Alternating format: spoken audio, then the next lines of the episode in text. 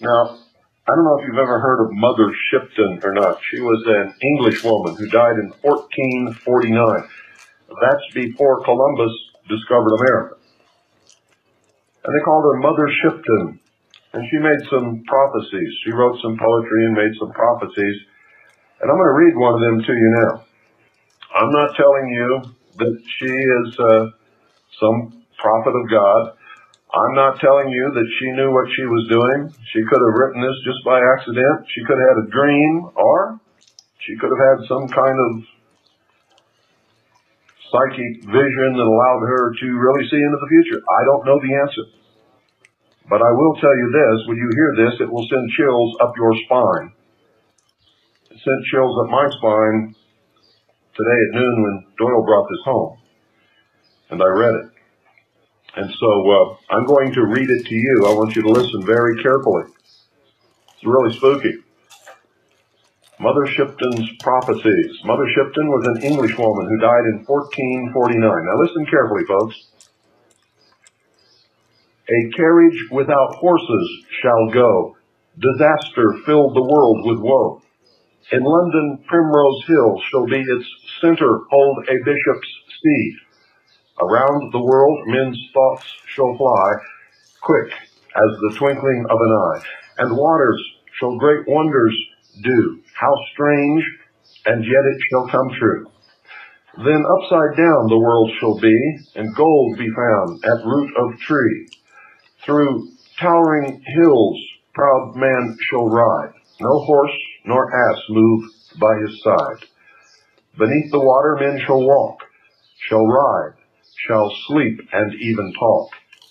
And in the air men shall be seen, in white, in black, as well as green. A great man then shall come and go, for prophecy declares it so. In water, iron then shall float as easy as a wooden boat. Gold shall be found in stream and stone, in land that is as yet unknown. Water and fire shall wonders do, and England shall admit the Jew. The states shall lock in fiercest strife, and seek to take each other's life, when North shall thus divide the South, the eagle builds in lion's mouth. Then tax and blood and cruel war shall come to every humble door. And now a word in uncouth rhyme of what shall be in future time. For in these wondrous far off days, the women shall adopt a craze to dress like men and trousers wear and cut off all their locks of hair. They'll ride astride with brazen brow as witches do on broomsticks now. Then love shall die and marriage cease and nations wane as babies decrease. The wives shall fondle cats and dogs, and men shall live much same as hogs. In 1926, build houses light of straw and sticks, for then shall mighty wars be planned, and fire and sword swept o'er the land. But those who live the century through in fear and trembling, this will do.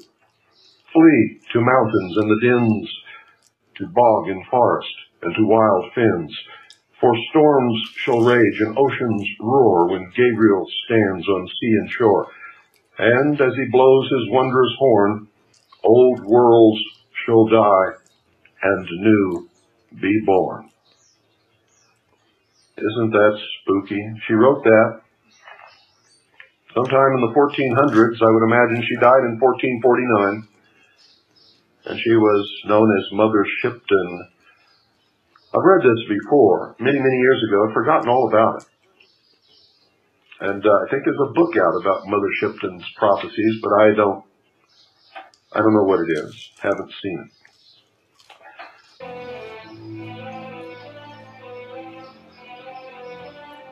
Around the world men's thoughts will fly, quick as the twinkling of an eye, and waters shall great wonders do. How strange, and yet it shall come true. Beneath the water men shall walk, shall ride, shall sleep, shall even talk, and in the air men shall be seen in white and black and even green.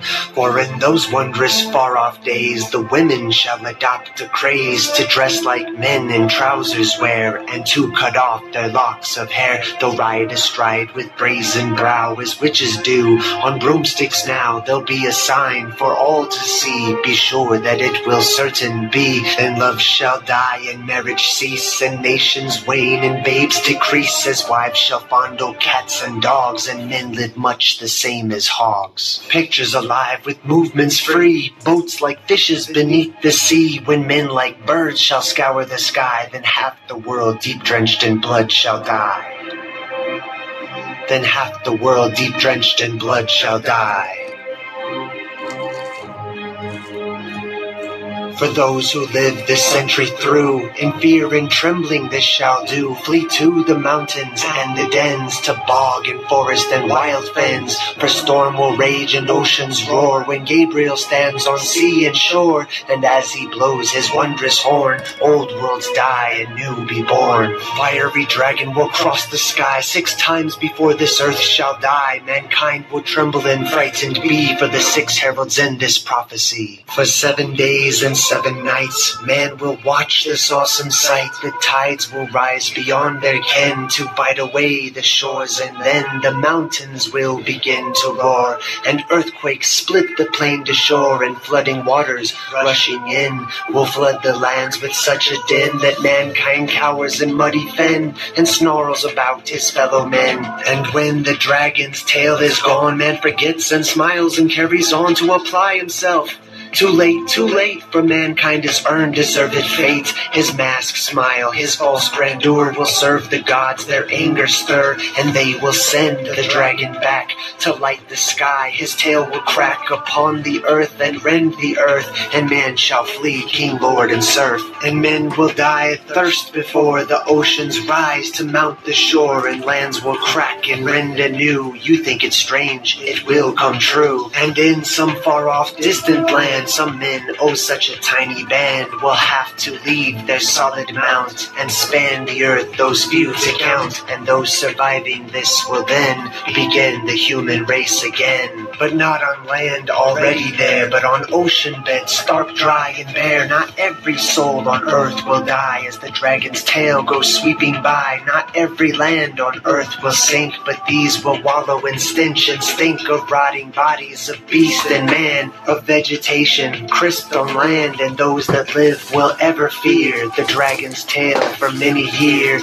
But time erases memory. You think it's strange, but it will be. And before the race is built anew, a silver serpent comes to view and spew out men of like unknown to mingle with the earth now grown cold from its heat. And these men can enlighten the minds of future men to intermingle and show them how to live and love, and thus endow the children with the second sight, a natural thing, so that they might grow graceful, humble, and when they do, the golden age will start anew.